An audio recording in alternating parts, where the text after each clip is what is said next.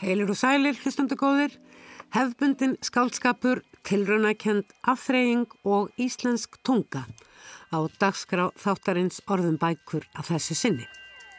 Í síðari hluta þáttarins verður hugað að bókaflóði að vori en þessar vikurnar hlaðast upp á borðum bókaveslana bækur sem kallamætti þægindabækur. Þetta eru mest þýðingar og bókum sem hafa selst vel út í hinnum stóra heimi, glæpasögur í bland við sögur sem segja frá venjulegu fólki sem lifir venjulegu lífi um leið og öllum er ljóstað ekki er til neitt venjulegt fólk, nýja venjulegt líf og því fullt af sögum að segja. Hér á eftir verður kýkt á kili nokkura bókana í sumarbókaflóðinu 2022 og sérlega hugað að tilraunarkendri skáldsögu eftir franskan höfund Tanguy Víl. Bókin heitir Kvarf James Sullivan og Jórun Tómasdóttir þýður hana úr fransku. Við heyrum í þýðandanum hér á eftir. Íslenskan er mál málana í hugum okkar flestra en íslenskan er ekki einhum og söm eins og ný bók eins helsta sérfræðingsokkar í íslensku samtímans fjallar um. Magnús Guimundsson kallaði málfræðingin Eirik Rökkvaldsson á sinn fund og rætti við hann um alls konar íslensku í fortíð, framtíð og nútíð. Við byrjum hins vegar með einum helsta orð og óð snillingi samtímans Þórarni Eldjárn.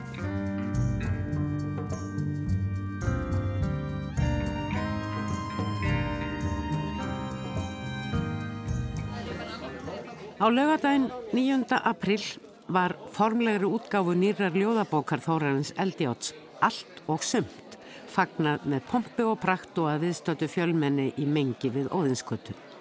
Samkvæmt yfirliti yfir útgefnar yrkingar Þórarins á insýðu bókarinnar eru ljóða, kvæða, já eða vísnabækur hans nú orðnar 24.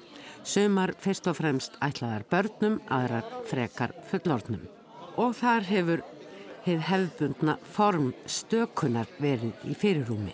Enda líkt og þóraðin orti á sínum tíma á íslenskum á alltaf finna svar og orða stort og smátt sem er og var, þá er stakan þess umkomin að taka á hverju sem er. Landafræði og ást, tungumálinu og pólitík, bolta íþróttum og jafnvel sjálfur sér en hér er Þórarin komin. Ég hef, ég hef lokkað Þórarin Eldjátt hérna út úr mengi þar sem er talsverður háfaði í útgáfubóðinu uh, vegna hvæðabókarinn að Þórarin Eldjátt ekki satt, allt og sönd. Þú kallar þetta hvæðabók? Jó, eh, hvæðabók eða ljóðabók en þetta er auðvitað, það má líka kalla þetta vísna hver en þetta er auðvitað allt saman bara í þessari vísna hefð íslensku skulum við segja, þetta eru stökur af ímsu tægi eh, allar eh, þess vegna mjög stuttar yfirleitt bara fjóra línur. Sumar eru nú ívið lengri. Já, þú brítur jú, formið eitthvað jú, upp jú, eða notar eitthvað hennum fjölmörgu tilbreyðum við það. Já, já, það enda, endir það alveg leifilegt sko að tegja það og toga eins og manni sínist en svona þetta er samt, þetta er Þetta er, er í hagirðinga og hagmælsku greininni sem er auðvitað ekkert annað en bara sérgreinin að ljóðlistarinnar og það er ekkert að gera það bæði vel og illa alveg eins og bara allt annað í ljóðum og bókmyndum. Þú uh, yrkir nú aðeins um þetta hér í bókinni um hagmælskuna og stöðu stökunar. Já, það eru nokkur erindi sem fjalla um það og, og Hér er vísa sem heitir Hættir, hættir. Hættir eru háttatímar, hagumælskan er algjört bröðl. Nú vill engin neitt sem rýmar en ég vill hafa mikið stöðl. Þetta er svona í dálitið anda rimnaskaldana sem voru múðalega mikið fyrir það að barma sér, sérstaklega í mannsöngunum. Segja frá því hvað það væri erfitt að yrkja og, og allavega sem sagt Og þeir neytu lítil skilnings já, eða hvað? Já, engin skilningur og allt, allt mjög erfitt. Og svo það eru fleira, fleira hérna sem er sem sagt um þetta það að yrkja. Þarna var náttúrulega sem byrjaði orðinu skálgáan. Já, það, það er einmitt í, í, í sama, Sama já, barmtóninum. sama anda sko, það, þá er hérna í stagl og stag, skaldgáfan er á sköpu aum, andans tæmdar kompur, bisa ég við bútasaum, bæti og rimpa í glompur. Þessi bók allt og sumt, hún er svolítið sérstök í, í þínu bóka, prívat bókaflóði frá hvað árinu 1960, 70 eitthvað. Já, hún er 74 sem að 74 á 1100 ára amal Íslandsbyðar. Ljóðabókin mín kom út, það var kvæði og hún var öll, þau ljóð voru öll háttböndin. Það þótti mjög sérkennilegt og alltaf því framústefnilegt á þeim tíma að ungt skáld væri í hefðinni og þá var verið að tala um sko hefðböndin ljóð. En ég hef aldrei notað orði hefðböndin heldur, ég nota alltaf háttböndin vegna þess að á þeim tíma þegar ég var að byrja þá var uh, sko þessi venjulegu stöðluðu atómljóð, það var orðin hefðin. Það er hefðin sem var í gangi þegar ég var ungur. Og þannig að ég gerðist svona uh, sem sagt uh, uppreisnar maður með því að vera hefðarsinni, traditionalisti Og nú ertu kannski að gera ákveðna uppreist svona gegn, já, hvað ég segja, sjálfum þér og þinni útgáfu fram til þessar, því þessi útgáfa er svolítið sérstök.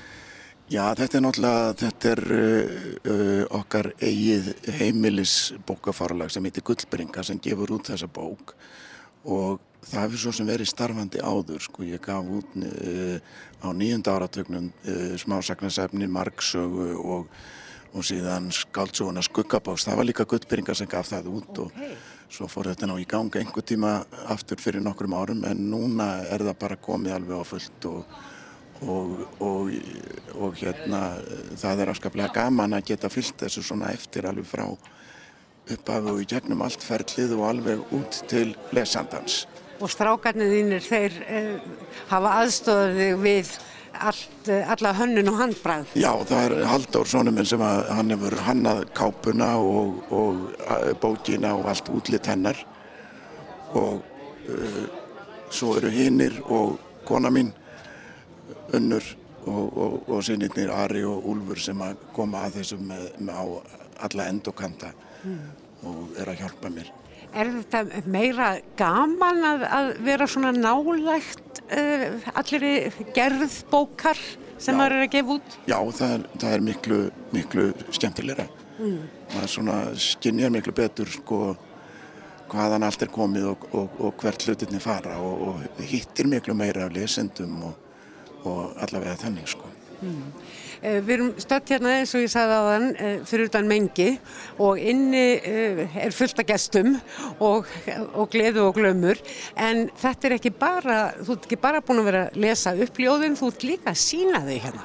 Já, það er uh, ljóðasýning í gangi og það er í raun og veru dálítið til þess að, að minnast þess að, að það voru ljóð á sýningu eftir mig uh, 1991 á Kjarvalstöðum þegar Birgir Andriðsson myndlistamæður hann sá um hönnunina á uppsetningu ljóðan og valdi letrið og allt þess aftur og það var mjög, mjög skemmtilegt Ljóð sem myndverk sem sagt, alveg eins og hér. Já, í, í raun sko eins og plakat eða, eða mynd í ramma sem bara hangir á vegg og, og, og er þá bara lesmál sem, sem verður að mynd með því að, að fara upp á vegg og þannig að það var eh, full ástæða til að, að hérna, endurtaka þessa gömlu góðu hugmynd. Og þetta eru ljóð úr þessari bók Já, þetta, já, þetta er allt, þetta, allt eru ljóð úr þessari bók, ekki öll ljóðin. Nei, þau eru jú, hundrað ekki já, þau satt. eru hundrað, já, þannig að það verið kannski aðeins of mikið ílagt. Þetta eru til að byrja með 15 stykki og það eru þá helst þau sem geta virkað vel eh, ein og sér sko sem spakmæli eða heilræði eða einhvers konar hugleðing um, lífið og tilverunum. Gæti fólk pantað hjá gullbringu eða dettunir á ljóð sem þið myndi langa til að hafa upp á vekk hjá sér? Já, alveg klárlega og, og við erum með vefverslun sem er að finna bara á, á slóð gullbringa.is. Það er þetta að kaupa þetta allt saman. Við sögum að það væri hundra ljóð í þessari bók og uh, innan á uh, hérna kápubókarinnar er listi yfir yrking, útgefnar yrkingar þínar. Þetta er 24. bókin. Hvað er þetta, hvað er þú sérst búin að yrkja margar stökur eða gefa út margar stökur kannski öllu heldur? Það er kannski ekki allar endað á bók. Nei, ég, ég, ég hef ekki hugmyndun það sko, en það, það eru mörg hundruð og, og kannski yfir þúsund, ég veit það ekki. Svo eru þetta margt sem hefur bara farið fórgörðum, en, en bæði ljóð og, og svona vísur stökur. Þetta er reyndar, þetta er þriðja vissnakverið sem ég gef út. Mm. Ég, gaf út eh, vissna fyrst 2010 og svo 2019 kom til ég að vera til. Þannig að þetta er, þetta er svona orðin kannski þrýleikur og verður kannski fjórleikur. Við sjáum til. Akkurat. En stökurnar sækjaði heim á hverjum degi, hættirnir og, já, já. og, og blásaði þér uh, hugmyndir í brjóst eða leitarðu að rétta hættinum fyrir um, ákveðna hugmynd kemur, eða bara í land? Það kemur bara yfirleitt alltaf fljúandi bara einhver staðar og eins og ég hef oft bent á og mjög margir aðri sko þá er þetta bara eins og þessar hugmyndir sem svífi loftinu og bara gildir að taka við þeim sko og, og vera svona eins og með loftnet á, á höfðinu til að móttökunni lægi móttökustofar Þóran Eldjátt, kæra þakkir Já, takk og til hamingi með bókina Já, takk kærlega Í síðustu viku kom út bókin Alls konar íslenska. 100 þættir um íslenskt mál á 20. og 1. öld eftir Eirík Röggvaldsson, professor emeritus í íslenskri málfræði. Eiríkur sem hefur á síðustu árum verið virkur í umræðunum stöðu íslenskunar og framtíð byggir bók sína á pislum sem hann hefur skrifað um málefnið á Facebook. Magnús Guimundsson hitti Eirík. Eiríkur Velkomin og til hamingi með bókina. Já, takk. Þú var nú verið nokkuð ábyrrandi umræðinum íslenskuna á síðust árum og ekki síst vakið aðtikli fyrir umburalind sjónamið kakvart breytingum á málfari. En það var ekki alltaf þannig. Þú varst eitt sinn ungur og grjótarður málvendunar maður.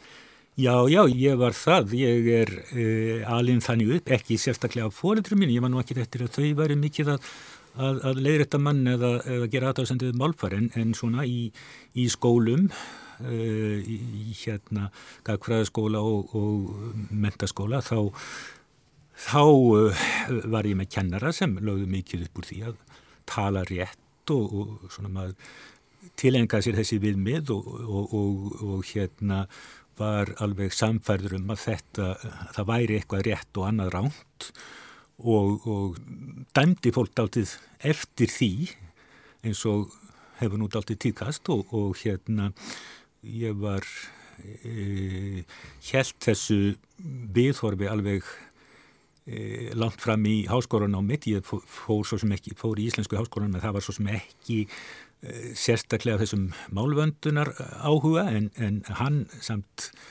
helst alveg þangað til ég var hérna svona um það byrja að ljúka bíaprófi e, en þá svona snýri við blaðinu og var nú uh, svona ákveðin að komu til þar. Ég hérna fór í námskeið hjá manni sem að hétt Peter Söby Kristensen sem var lektor í dönsku á sín tíma við Hálskóla Íslands. Þetta var námskeið í félagslegum málvísindum og, og hann talaði þar um tungumálið sem valdatæki og hvernig þessu valdatæki væri beitt til þess að halda ákveðnum hópum niðri. Og þetta var eitthvað sem sko maður hafði aldrei leitt hugan að eitthvað algjörlega, algjörlega nýtt og, og hérna og síðan uh, gerðist það uh, um svipaleiti að, að hérna félagi minn uh, í hálskóranámi uh, lánaði mér grein uh, ljósitt af, óbyrstri grein eftir Gísla Pálsson mannfræðing Uh, grein sem var á, á ennsku en byrtist reyndar uh, skömmur síðar á íslensku í skýrni undir heitinu vond mál og vond málfræði. Og, og þetta er svona uh, hörð ádela á þessa hefbundnu íslensku málvönduna stefnu ég fekk þess grein fyrst á ennsku og þar hafði Gísli sagt, hann tók fjöldan allan af tilvittnunum í íslenska málvönduna menn þýtti þær allar á ennsku inn í megimálunu, byrti þær síðan í aftamálsgreinum á, á íslensku. Og, og, og þannig að þar söpnuðust saman uh, á eina, tvær síður svona, hvað maður segja svæstnustu bútarnir úr þessum greinum. Og þegar ég sá þetta þarna samankomið þá bara fjallist mér hendur og ég sagði nei, ég get ekki, ég get ekki tekið undir þetta. Þetta, bara, þetta er ekki svona. Og, og þá sem sagt e, þá snýrist ég alveg. Og síðan mörgum árum síðar þá tekur þú til við einmitt að fjalla um íslenskuna á samfélagsmiðlum. Og, og þessi bók er unnin út frá því. Já, já, ég sem sagt þarna eh, á þessum tíma, hérna einhvern tíman svona upp úr 1980 þá tók ég alltaf þátt í e, fjölmeila umræðu um þessi mál. og fannst það nú ekki skila miklu þannig ég eh, hætti því alveg. Svo hérna þegar ég svona um það sem ég fór að fara á eftirlun fyrir nokkrum árum þá, þá áttaði mig á því að svona landslega þessu sviði væri, væri gjörbreykt, það væri komin miklu opnari umræða og, og þarna komin þessi, þessi nýji vettvangur, samfélagsmiðlar, þannig að ég fór að, að svona, skrifa stuttar aðtóðasendir og pisla á Facebook, bæði á mína eigin síðu og, og svona ímsa málfarshópa. Og stundum kom það fyrir að, að hérna, fjölmiðlar tóku þetta upp og, og hérna ég sá það að, að kannski getur maður haft einhver áhrif með þessu. Af því að ég á mér þá hugssjón að, að breyta umræðu um íslensku þessi umræða sem að tíðkæðist hér í blöðum áður og er kannski ekki mikið blöðum núna en grasserar uh, á netinu og í, í hérna bæða samfélagsmiðlum og í aðtúaðsendadálkum veðmiðla, þessi neikvæða umræða sem gengur út á leiðréttingar og, og, og eitthvað tuð hún er engum til góðs og alveg öruglega ekki íslenskunni. Þannig að, að ég held að sagt, og hef lengi haft á trú að ef við viljum haldi íslenskuna þá þá sé það grundvallar atriði að ræðum hann á jákvæðan hátt. Nákvæmlega og þú hefur einmitt á orði að málrækt snúi ekki um að leifa eða banna heldur fræða frekar en að fordæma. Er þessi bók hluti af þessari vekkferð? Já, hún er það sko, hún, hún hérna e, skiptist nú í nokkra, nokkra hluta og, og sko e, stæsti hlutin e, heitir Málbreyði og þar fjalla ég um, uh, það er 50 þættir og ég fjalla um ja, margar innan gæðsalapa málvillur uh, margt af því hérna velþægt eins og þessi svo kallaða þáfælsíki og, og ég vill og, og, og hérna nýja þólmyndin eins og það var barið mig og allt þetta sem að flestir þekkja mm. og ég er svona að, að skoða þetta uh, hérna lýsa þessu lýsa hverju atrið fyrir sig, eh, gera grein fyrir því hérna af hverju þetta hefur verið talið eh, ránt og eh, svona skoða forsenduna fyrir því að benda á að, að, að kannski er þetta ekki alltaf sko mjög traustur grunnur undir því að, að segja að þetta sé ránt og, og í mörgu tilvíkum eru við með mm, tilbriði sem eiga sér áratuga sögu eða jáfnvel hundra ára gamla sögu í málinu eru mjög útbreytt og, og hérna uh, og engin ástæð til að, til að fordæma. Serðu þetta meira jafnvel sem blæbrigði fremur en annaf? Já, uh, það, það er náttúrulega þessi, þessi helbunna afstæð er að, að ef eitt er rétt þá hljóti annað að vera ránt og það er ekkit þannig í máli. Það, það má alveg vera fleirin eitt sem er rétt. Og við meðum alveg nota hérna fleirin eitt orð, eiga fleiri en eitt orð um, um, um, um sama hlutin. Og það er enda, það er svo mikil, tvískinningur sko oft í þessar umræðu, það er oft sagt hérna það skiptir málið að, að hérna tungumáli séu auðugt og fjölbreytt og við, við getum orðað það sama á, á flein eitt veg uh, svo kemur upp nýtt orð um eitthvað sem að eigum orð fyrir um.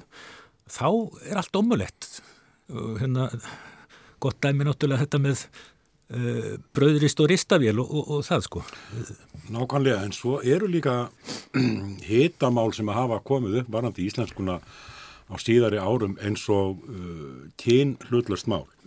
Ef þú segir okkur aðeins frá því og hvernig það er, getur verið erfitt fyrir okkur sem eldri erum að uh, laga okkur af þessum breytingum. Mm -hmm. Já, það er náttúrulega uh, kannski svolítið mísjalt hvað fólk á við þegar það talar um, um, um þetta sko, en, en það má alveg segja uh, er oft haldur fram að íslenska sé karlægt tungumál og, og sko, ef maður skoðar hérna hvað, hvað fylist í því þá það má kannski segja að það sé þremt. Í fyrsta lagi þetta það, það er venilega notuð kallkynsmynd af fornöfnum og lýsingarorðum í svona almenni merkingu. Við segjum sko allir velkomnir og, og eitthvað soliðis. Öðru lagi þá uh, er hérna uh, orðið maður sem er vissulega tegundarheiti en, en jafnframt líka oft notað sem andstaða við kona og, og hérna og það eru einsum þyrnir í augum sko, að, að hérna, orði maður og, og samsetningar af því síðan nota til þess að vísa til, til begja kynja.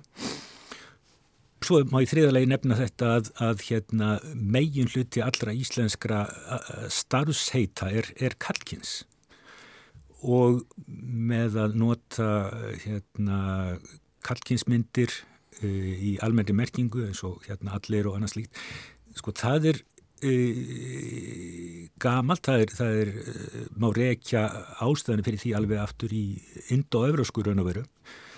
Uh, þannig að sko í sjálfu sér er þetta bara, bara málfræðilegt engin á íslensku og, og engin, hérna hvern fyrirlitning eða kallægni sem fælst í því þannig séð það breytir ekki því að hérna, þetta getur virka þannig á fólk og það sem að mér finnst stundum hafa glemst í þessari umræðu og við málfræðingar höfum stundum glemt. Við lítum á þetta frá málfræðilegu sjónamið, segjum bara, já, svona er íslenskan, hún, hún er bara þannig og, og það eru sögulega ástæði fyrir því að hún notar kalkina á þennan átt og það er alveg rétt. En e, þá erum við samt að líta fram hjá því að, að þetta getur virkað öruvísi á fólk, þessi kalkinsnótkun getur virkað þannig á fólk að, að, að það sé verið að undanskilja uh, konur og, og, og kynsegjum fólk. Uh, hversu útbreytt svo tilfinning er veit ég ekki en, en hérna, hún er allavega til og, og við meðum ekki, ekki líta fram hjá því. Nákvæmlega og þú fjallar að þessum hvernig orð á barð við hán er myndað mm -hmm. út að sænskri fyrirmynd, ekki það? Jú, og í sænskunni er það nú eiginlega tekið úr finsku uppálega. Er þetta ekki bara svona aðeins starri nálgun á það sem við höfum oft verið mjög stolt af því að við erum svo góð, góði sem er nýrðasmíðin? að jú, jú. breyta tungumálun Jú, jú, jú, jú og, og sko það, en það sem að e, það sem e, fólk hefur haft á móti hán með, með hans er, er já, kannski þetta þetta er, þetta er fornafn og það er var og er kent yfirleitt að, að, að fornöfn, flokkur fornafna sé lokaður. Við höfum sagt opna flokk, orðflokka eins og nafnorðu, við erum alltaf að bæta við nýju nafnorðum og það bætist við eitthvað nýjum sögnum og lýsingarorðum og framvegis. En, en flokkar eins og, eins og forsetningar og, og samtengingar og fornöfn e, þeir eru kallaðir lokaður orðflokkar.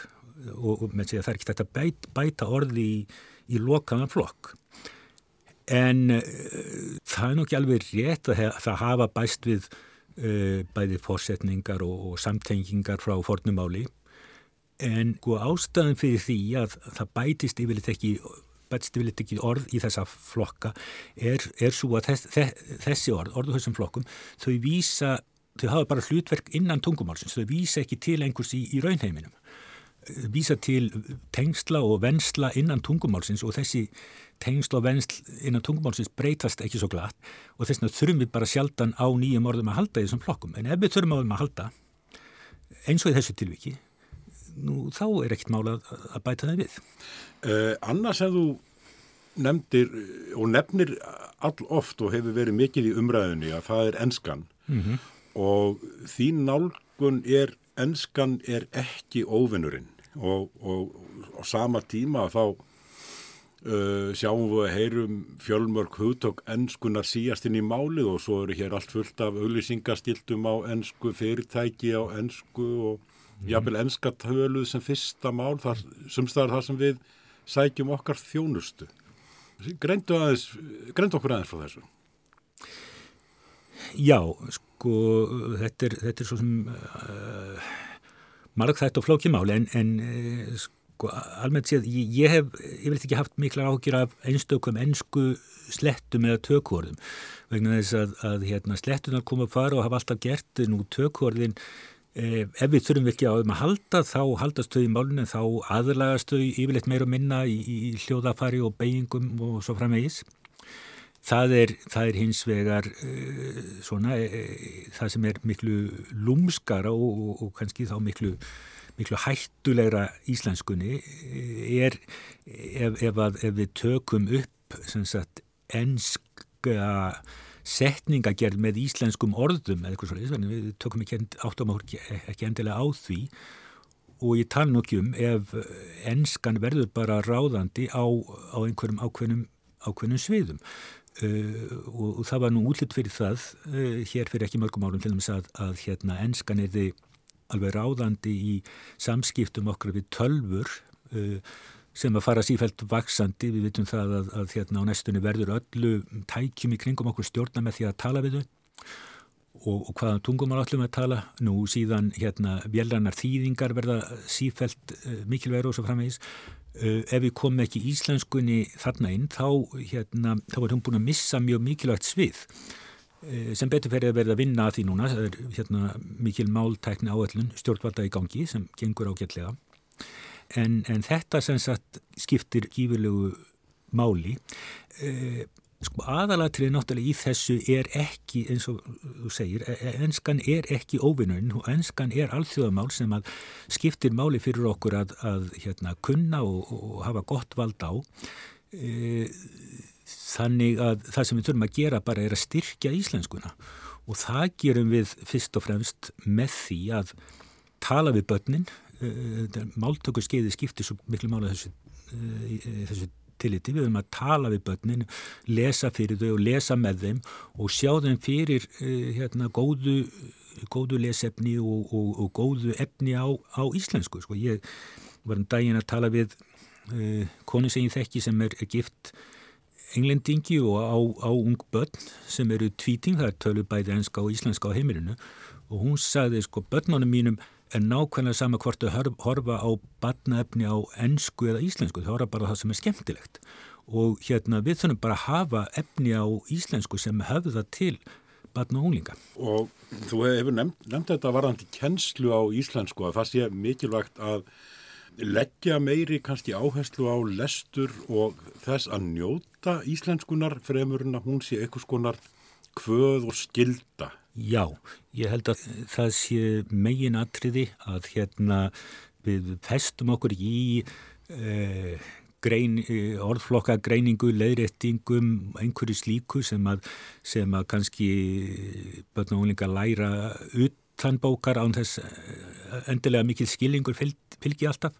Eh, það er langsamlega mikilvægast að, að nota málið á öllum sviðum. Eh, þá má ég nú til með að spurja þið svona að lokum er það rétt sem skaldið goða orti og barnakóri söngu auðlýsingum mjölkursamsölunar má alltaf finna svar á íslensku? Já, já, ég held að það hérna uh, sko sé allt með, sé alltaf hægt og uh, minnstu kosti börn er ekki vandrað með það. það það er nefnilega það sem að hérna eitt af því sem er svo dásanlegt við mál, málfar barna og máltöku barna er að, að hérna sko börnin eh, láta það aldrei stoppa sig þó þau kunni ekki orðið með eitthvað, þau bara búa það til. Og, og, og það skiptir máli að, að hérna, berja það ekki niður, ekki segja við þau nei þetta er ómulett orð eða eitthvað svoleiðis, heldur, heldur taka jákvægt í það, það er alltaf að benda þeim á að, að hérna, það sé nú til orð um þetta og þurfu ekki að vera að búa ný, til nýtt orð en við eigum að nýta okkur þennan sköpunamátt sem býr í máli barna. Er þá líkilatrið að tala við þau á íslensku, já. lesa fyrir þau og rétta þeim góðar bækur? Það er aðalatrið, já. Takk fyrir. Takk.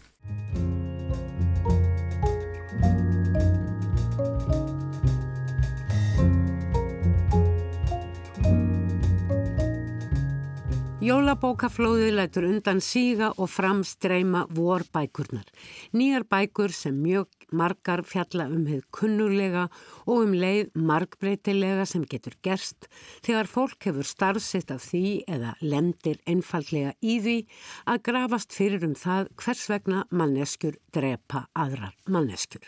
Já, langt flestar bókana sem gefnar eru út á vorin eru glæpasugur og ætlaði til að keipa með sér í ferðalæð til að lesa á ströndin eða í sófanum í sumabústanum þegar ekki viðrar til gönguferða eða til að brasa úti við. Glæpasögur hafa síðustu áratögun á gífurlegum vinsældum en það spennand að vita hvernig og hvers vegna hinn er fjörbreytilegustu glæpir eru framdir, hverjir fremja þá og hvers vegna. Glæpasögur leta á okkur lesendum sem aldrei myndum gera neitt í líkingu við það sem þar er sagt frá. Auk þess sem glæpasögur eru oftar en ekki einföld en líka ágætlega greina góð speklun á margvíslegt óreittlæti í samfélaginu að ekki sé talað um vörlundarhús sálarkirnana. Um tíma átti glæpasagan í nokkur í samkeppni við svo kallar skvísubókmentir þar sem yfirleitt var í brennideppli ung kona eða hópur af slíkum gerðnan í leita réttum slóða fyrir lífsitt oft í óheftu skemmtanalífi með tilherandi innkaupum. Skvísubækur verða snúa mestu dotnar út en það neistlu menning ekki lengur af hennu góða. Ungu konurnar eru þó enn á góðu róli í svo kalluðum afþreyingar bókmentum og enn eru þær strákar og alls kynns reyndar líka að leita að réttu leiðinni með rétta fólkinu í hennum fagra heimi sem einhvern veginn er ekki lengur eða hvað. Inn á milli í þessari nýútgáað voru leina svo líka allt öðruvísu bækur. Enda lesendur sannlega fjölbreyttur hópur og svo margir lesa stundum svona bækur og stundum svona. Þannig kom út ekki alls fyrir löngu fyrsta skáltsagan eftir Nobelsfæluna hafan Olgu Tokartsjúk á íslensku. Hinn mikilvirki þýðandi Átni Óskarsson þýtti þessa bókmyndalegu spennusögu eins og skáltsögunni drag plóðinn yfir bein hinn að dauðu er gerðnan líst en rætt var við árna um bókina og þýðinguna á þessum vettvangi fyrir skömmu. Svo kom á dögunum út sagan Ef þetta er maður eftir Primo Levi í þýðingu Magnúsar Há Guðjónssonar með áhugaverðum eftirmála Stefanos Rosati. Primo Levi var ítalskur gýðingur sem árið 1944 lendi fangabúðum nazista í Ásvits, þá 25 ára gammal. Andstætt miljónum annara lifði Primo Levi frelsun búðana við lok heimstyrjaldarinnar síðari árið 1945. Rúmlega áratug síðar eða árið 1958 sendið svo þessu ungi efnafræðingur, Primo Levi, frá sér fyrsta og mjög svo mikilvæga vittnisspurð um vist í ómennsku fangabúða nazismans. Einhvert veginn hefði maður haldið að þessi bók hefði fyrir löngu komið út á íslensku en svo er ekki. En nú vorum komin þessi einstaka bók um kærleik og mennsku og andstæðu parið hatur og nýðingskap. Holl lesning á okkar tímum eins og ljóst má vera. Og þær eru fleiri bækurna sem eiga rætur í stríðum heimsins í þessum státna vorbóka hlaða árið 2022. Mikill fengur er til að mynda af skáltsögunni Rú sem líka fjallar um eftirmála stríðs, nánar tiltækið stríðsins í Vietnám. Höfundurinn Kim Tui er kanadísku ríkisborgari búsett í Montreal en hún kom tíu ára gömul á samt fóreldrunu sínum sem flóttamaður til Kanada. Kim Tui var sem sagt í þeim stóra flokki fólk sem flúði frá Vietnám eftir lok stríðsins þar og í fréttum var gerðnan vísa til sem bátafólksins. Sumir muna eflust eftir þessum bátum yfirföllum af fólki af myndum í fjölmiðlum. Þetta voru ekki börðu farartæki en með þeim tókst samt miklum fjölda að komast undan. Samkvæmt upplýsingum flóttamanna hjálpar saminuðu þjóðuna tókst hátt í 800.000 vietnumum að komast undan á árunum 1975 til 1995 og fá hæli í hennum ymsu löndum, meðalannars hér á landi eins og alkunna er.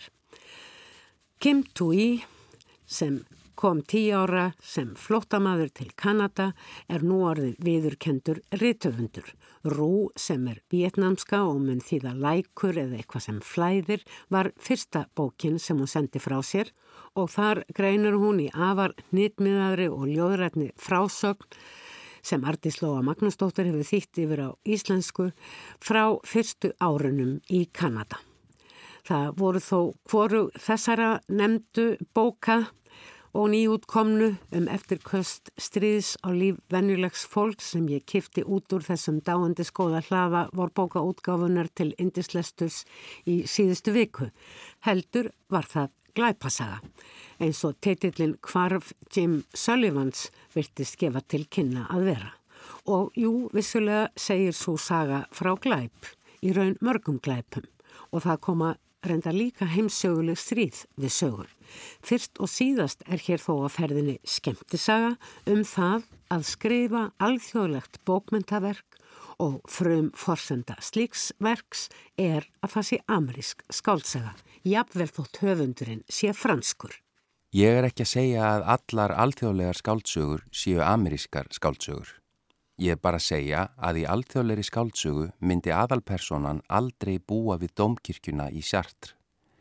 Ég er ekki heldur að segja að ég hafi hugsað mér að láta personu búa í borginni sjartr, en það verður að segjast eins og er að sá ókostur fylgir Fraklandi að þar eru domkirkjur í næstum öllum borgum með hellulögðum götum í kring sem eiðilegja alþjóðlegan blæ umhverfisins og koma í veg fyrir ákveðna alheims sín. Að þessu leiti hafa Amerikanar umtalsvert forskott á okkur. Jafnvel þó þeir sviðsetti söguna í Kentucky, í miðju kjúklingabúi eða úti á mægisökrum, tekst þeim að gera skáldsöguna alþjóðlega. Jafnvel höfundum frá Montana sem eru uppteknir við skotveiðar, fiskveiðar og að höggva við fyrir veturinn tekst að skrifa skáldsögur sem eru keiftar jæmt í New York sem í París. Ég bara næðis ekki. Við eigum marga hektara af skógi og ám. Við eigum tvísasinnum stærri veiðilendur en íbúar Montana og samt tekst okkur ekki að skrifa alþjóðlegar skáldsögur. Það er ónafgrendur höfundur sögunar Kvarf Jim Sullivan sem hér segir frá því hvernig hann skrifar þá sögu. Sem er ekki saga um söngvaskáldið Jim Sullivan sem kvarf sporlaust í Eidamörkinni í Nýju Mexiko í marsmánið árið 1975.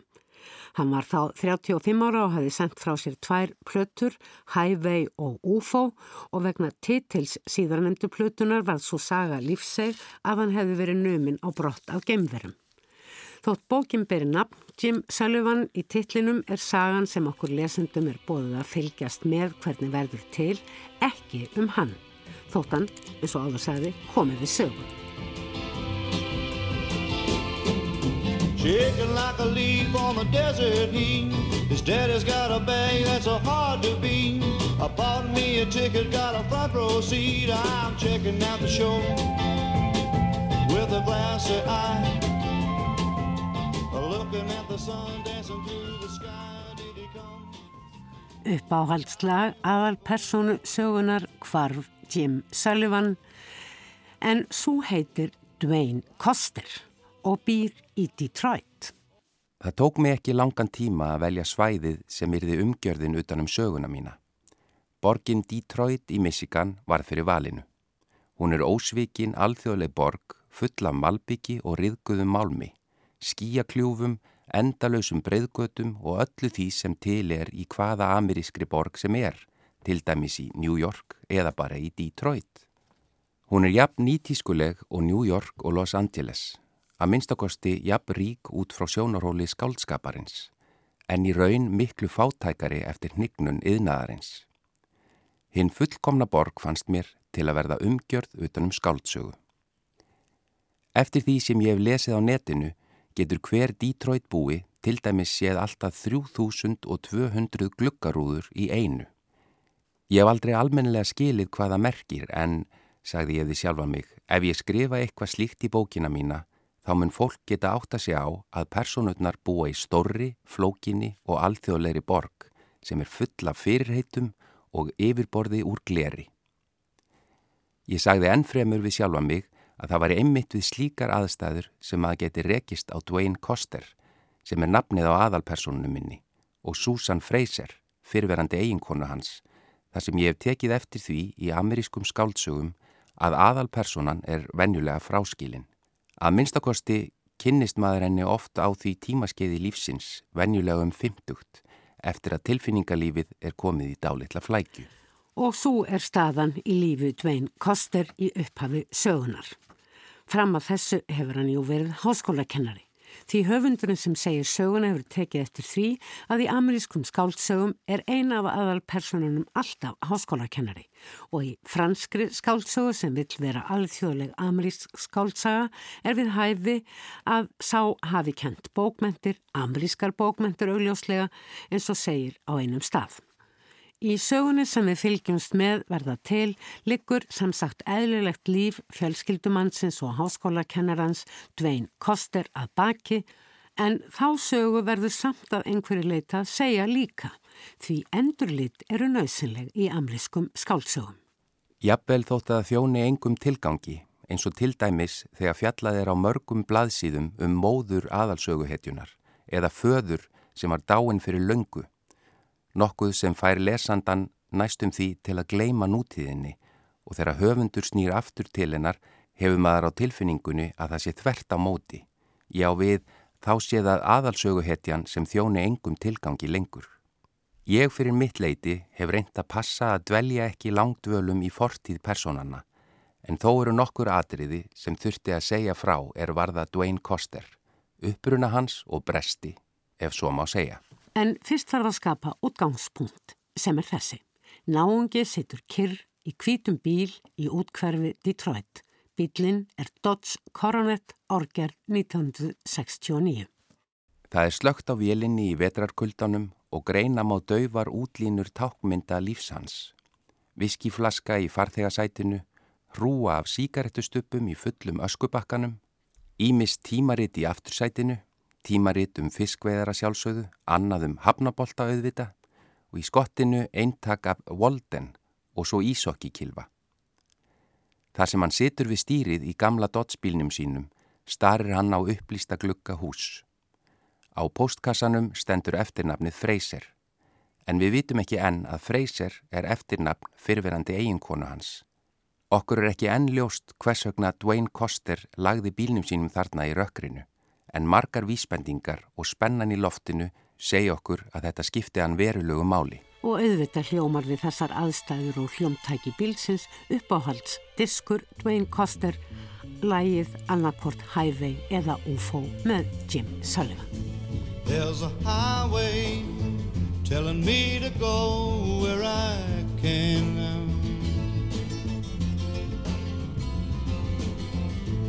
Such a long way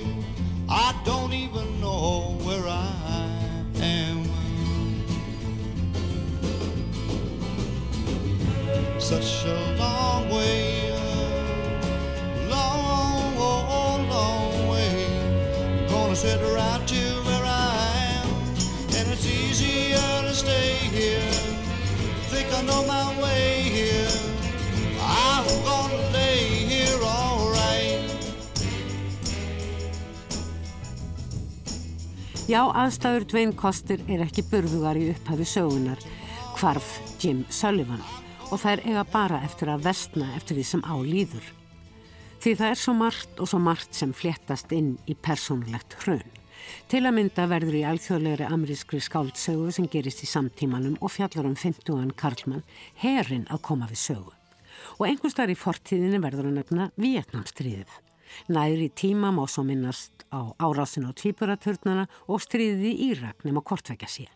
Stóra plottið í þessari sögu tengist emitt Írak, merkum minnjum sem þar voru geimdar og tengja söguna í bókinni við sögu heimsins. Að endingum á ekki gleima lungum axtursferðarlegum um hinn viðfæmi bandaríki og helst eldingarleik. Þetta er nú einu sinni alþjóðleg amrísk skáltsaga sem upplýsir um öll trekkin farað lútandi. Höfundur bókarinnar, Hvarf Jim Sullivan, er eins og ljóstmáður af franskur og heitir Tanguy Viel. Fættur í Brest í Bretaníu árið 1973. Hann hefur sendt frá sér all margar skáldsögur og fengið virt velun í Fraklandi fyrir nokkrar. Hann þykir glæsilegur stílisti, mestari fangastriksins eða úrfellingarinnar og af skrifum á netinu að dæma hefur hann í fyrri verkum gerðnan leikið sér með ólík bókmenta og frásagnarform. Ég hafði aldrei heyrt Tangvi Vél nefndan en mun í framtíðinu öruglega skema eftir bókum hans á mér skiljanlegum tungumálum í bókaverslunum í útlöndum. Jórun Tómasdóttir þýtti skáldsöguna Hvarf Jim Sullivan eftir Tangvi Vél. Jórun er stödd í Svíþjóð og ég sló á þráðin til hennar.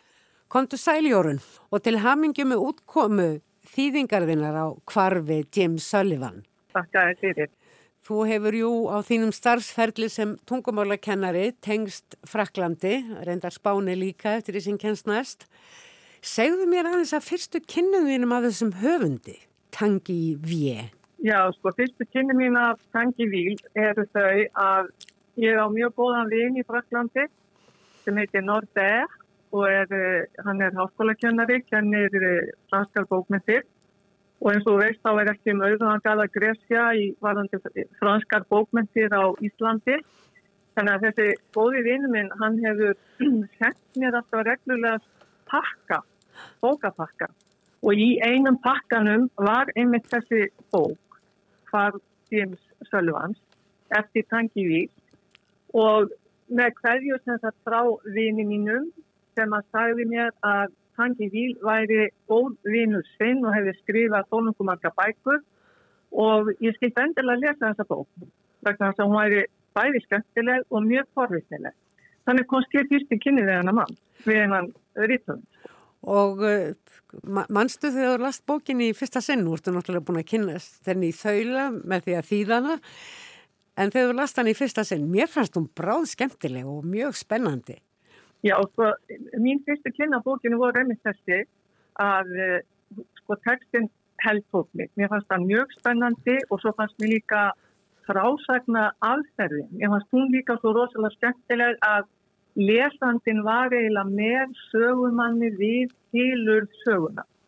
Það er því að lesandi og sögumadur fylgust af í gegnum söguna. Einmitt. Þannig að mjög, það verða mjög borðinlegt og skemmtilegt svo fannst mér líka náttúrulega mjög aftíklivert að fransku rítufundur væri að skrifa ameríska skáldsögur vegna þess að hérna, almennt eru franska skáldsögur frekar ólíka þeim amerísku og mér fannst honum takast þetta rosalega vel upp. Ég hafði þó að næra skópstæla ameríska skáldsögur þá fannst mér honum takast svo vel upp að einhvern veginn að búa til þennan brúðlandi ameríska menningaheim sem að við þekkjum eiginlega bara svo vel úr kvikmyndu. En svo sem líka úr bókum, en það sem að mér fannst ekki síst áhugavert er sko, jú þessi bók segir frá hruninu í, á lífi Dwayne Costers. Já. En hann er samt sem áður einhvern veginn engin alvöru persóna, meira svona eins og drögað persóna, hann er að verða til eins og svona, svona kallur leir á meðan við erum að lesa bókina.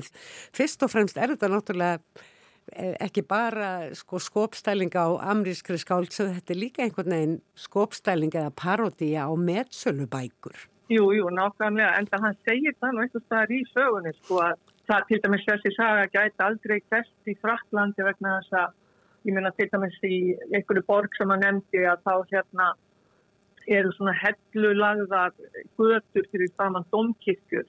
Það eru domkirkjur í öllum bæjum í Fraklandi, segir hann. Já, sko, þetta finnst ekki í amerískum borgum. En mér finnst þetta aldrei gaman að þú segir sko að við fylgjum steila með þessum dvein verða að einhvers konar personu, þar er að segja hann er eins og einhver drög af personu En mér finnst það nefnilega bara eiginlega að vera með textan í heil að við sem lesendur við fáum að fylgjast með því hvernig sagan verður til.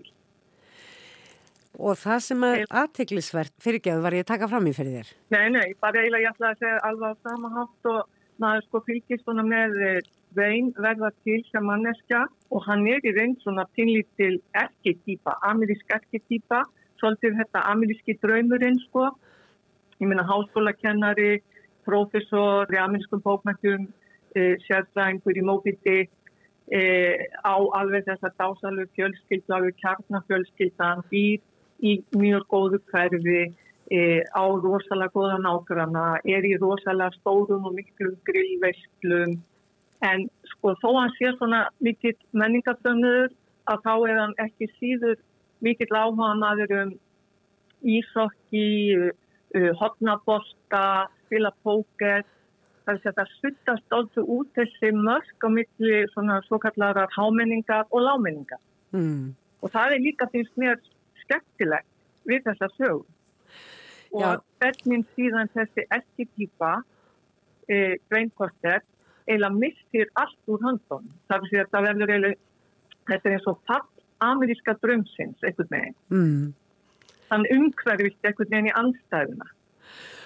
Og svo er nefnilega líka undirleikjandi mjög alvarlegir og djúb hugulir tónar, bara eh, saga heimsins, Já, nýlendustefnan og sögulegar afleðingar hennar, jafnvel kapitalismin, því þetta Já, er já. e, fyrir utan að, að vera svona bók sem er að leika sér að þessum frásagnar aðferðum öllum saman og hvernig lesandin er lokkaður áfram og hvernig upplýsingar eru veittar í skáldsögu og svo framvegis, þá er þetta líka mjög samfélagsskakkurinn bók, eða finnst þér það ekki? Jú, jú, hún er það, hún er það svo sannlega. Það er náttúrulega tekið á eins og hérna bæði við típuraturnar og Íraksstríðið og sömulegist til dæmis þessi stuldur á fornmunum, það er að segja hvernig skúftar í Ameríku er að selja eh, fornmuni úr þjóðminnarsafninu eh, í Bagdad, sko, hvernig þeir eru síðan seldir og einhverjum fornsölum í, í Chicago. Þannig að hérna, þetta er mikil og djúpt vitur saga. Þó hún sé svona á yfirborðinu einhver skópstæling og amerískri uh, skáldsögur. Mm. Hefur þú lesið fleiri bækur eftir uh, Tangi í fíl? og hann hefur gefið út svona cirka 14 bækur og ég hef lesið tvær, ég hef lesið bók sem heitir Pari Dress og síðan las ég líka síðustu bókina sem hann gaf út núna bara 2021 sem heitir á frumálinu La Ficona Bell eða eins og maður getur kannski sagt á íslensku stelpan sem að maður hingir í eða stelpan sem að maður kallar á. Það er, það efni þeirra bókar er eh, svona í anda me too Ok. og þessi bók, hans tanki víl, þessi síðasta, að hún var tilnæmt til sko konkúr bókmyndavelunana sem er einn vistustu bókmyndavelun sem að viktir í Fraklandi en eh, hann var því miður ekki hlutskapastuð að þessu sinni en þetta er, þetta er, þetta er bók sem ég get alveg sem er að þýða líka sko. Það verður spennandi því ég les ekki fransku mér til gags þannig að það er mikill fengur að fá þýðingar á franskri skáldsögu, nýrri skáldsögu og ég tala nú ekki um eh, sko svona skemmtilegri og áhugaverðri bók. Já, hann er mjög áhugaverður höfundur og það er alveg rétt sem hún sagði að sko bækurnar hans hafa verið svona pínlítið allt við krimma, það koma fyrir morð og það er einhverju skúfkar og það eru til dæmis mannskvörð og, og einhver spenna í gangi en hann fer alltaf, hann fer alltaf sko aðeins dýpura. Þetta er ekki bara svona einhver leikur, einhverju fléttu sem hefur uppað miði og endi. Einmitt. Takk Jórun Tómasdóttir fyrir að kynna okkur fyrir Tangi Víl með þessari bók Hvarf James Sullivan og ég vona svo sannlega að við eigum eftir að fá fleiri bækur eftir hann. Bestu þakkir og góðar kveðu til Svíþjóðar. Takk sem leiði. Fleiri verða orðum bækur ekki að þessu sinni. Lesari í þættunum var Gunnar Hansson. Jökull Karlsson sá um hljóðtækni alla. Takk fyrir að hlusta, verði sæl.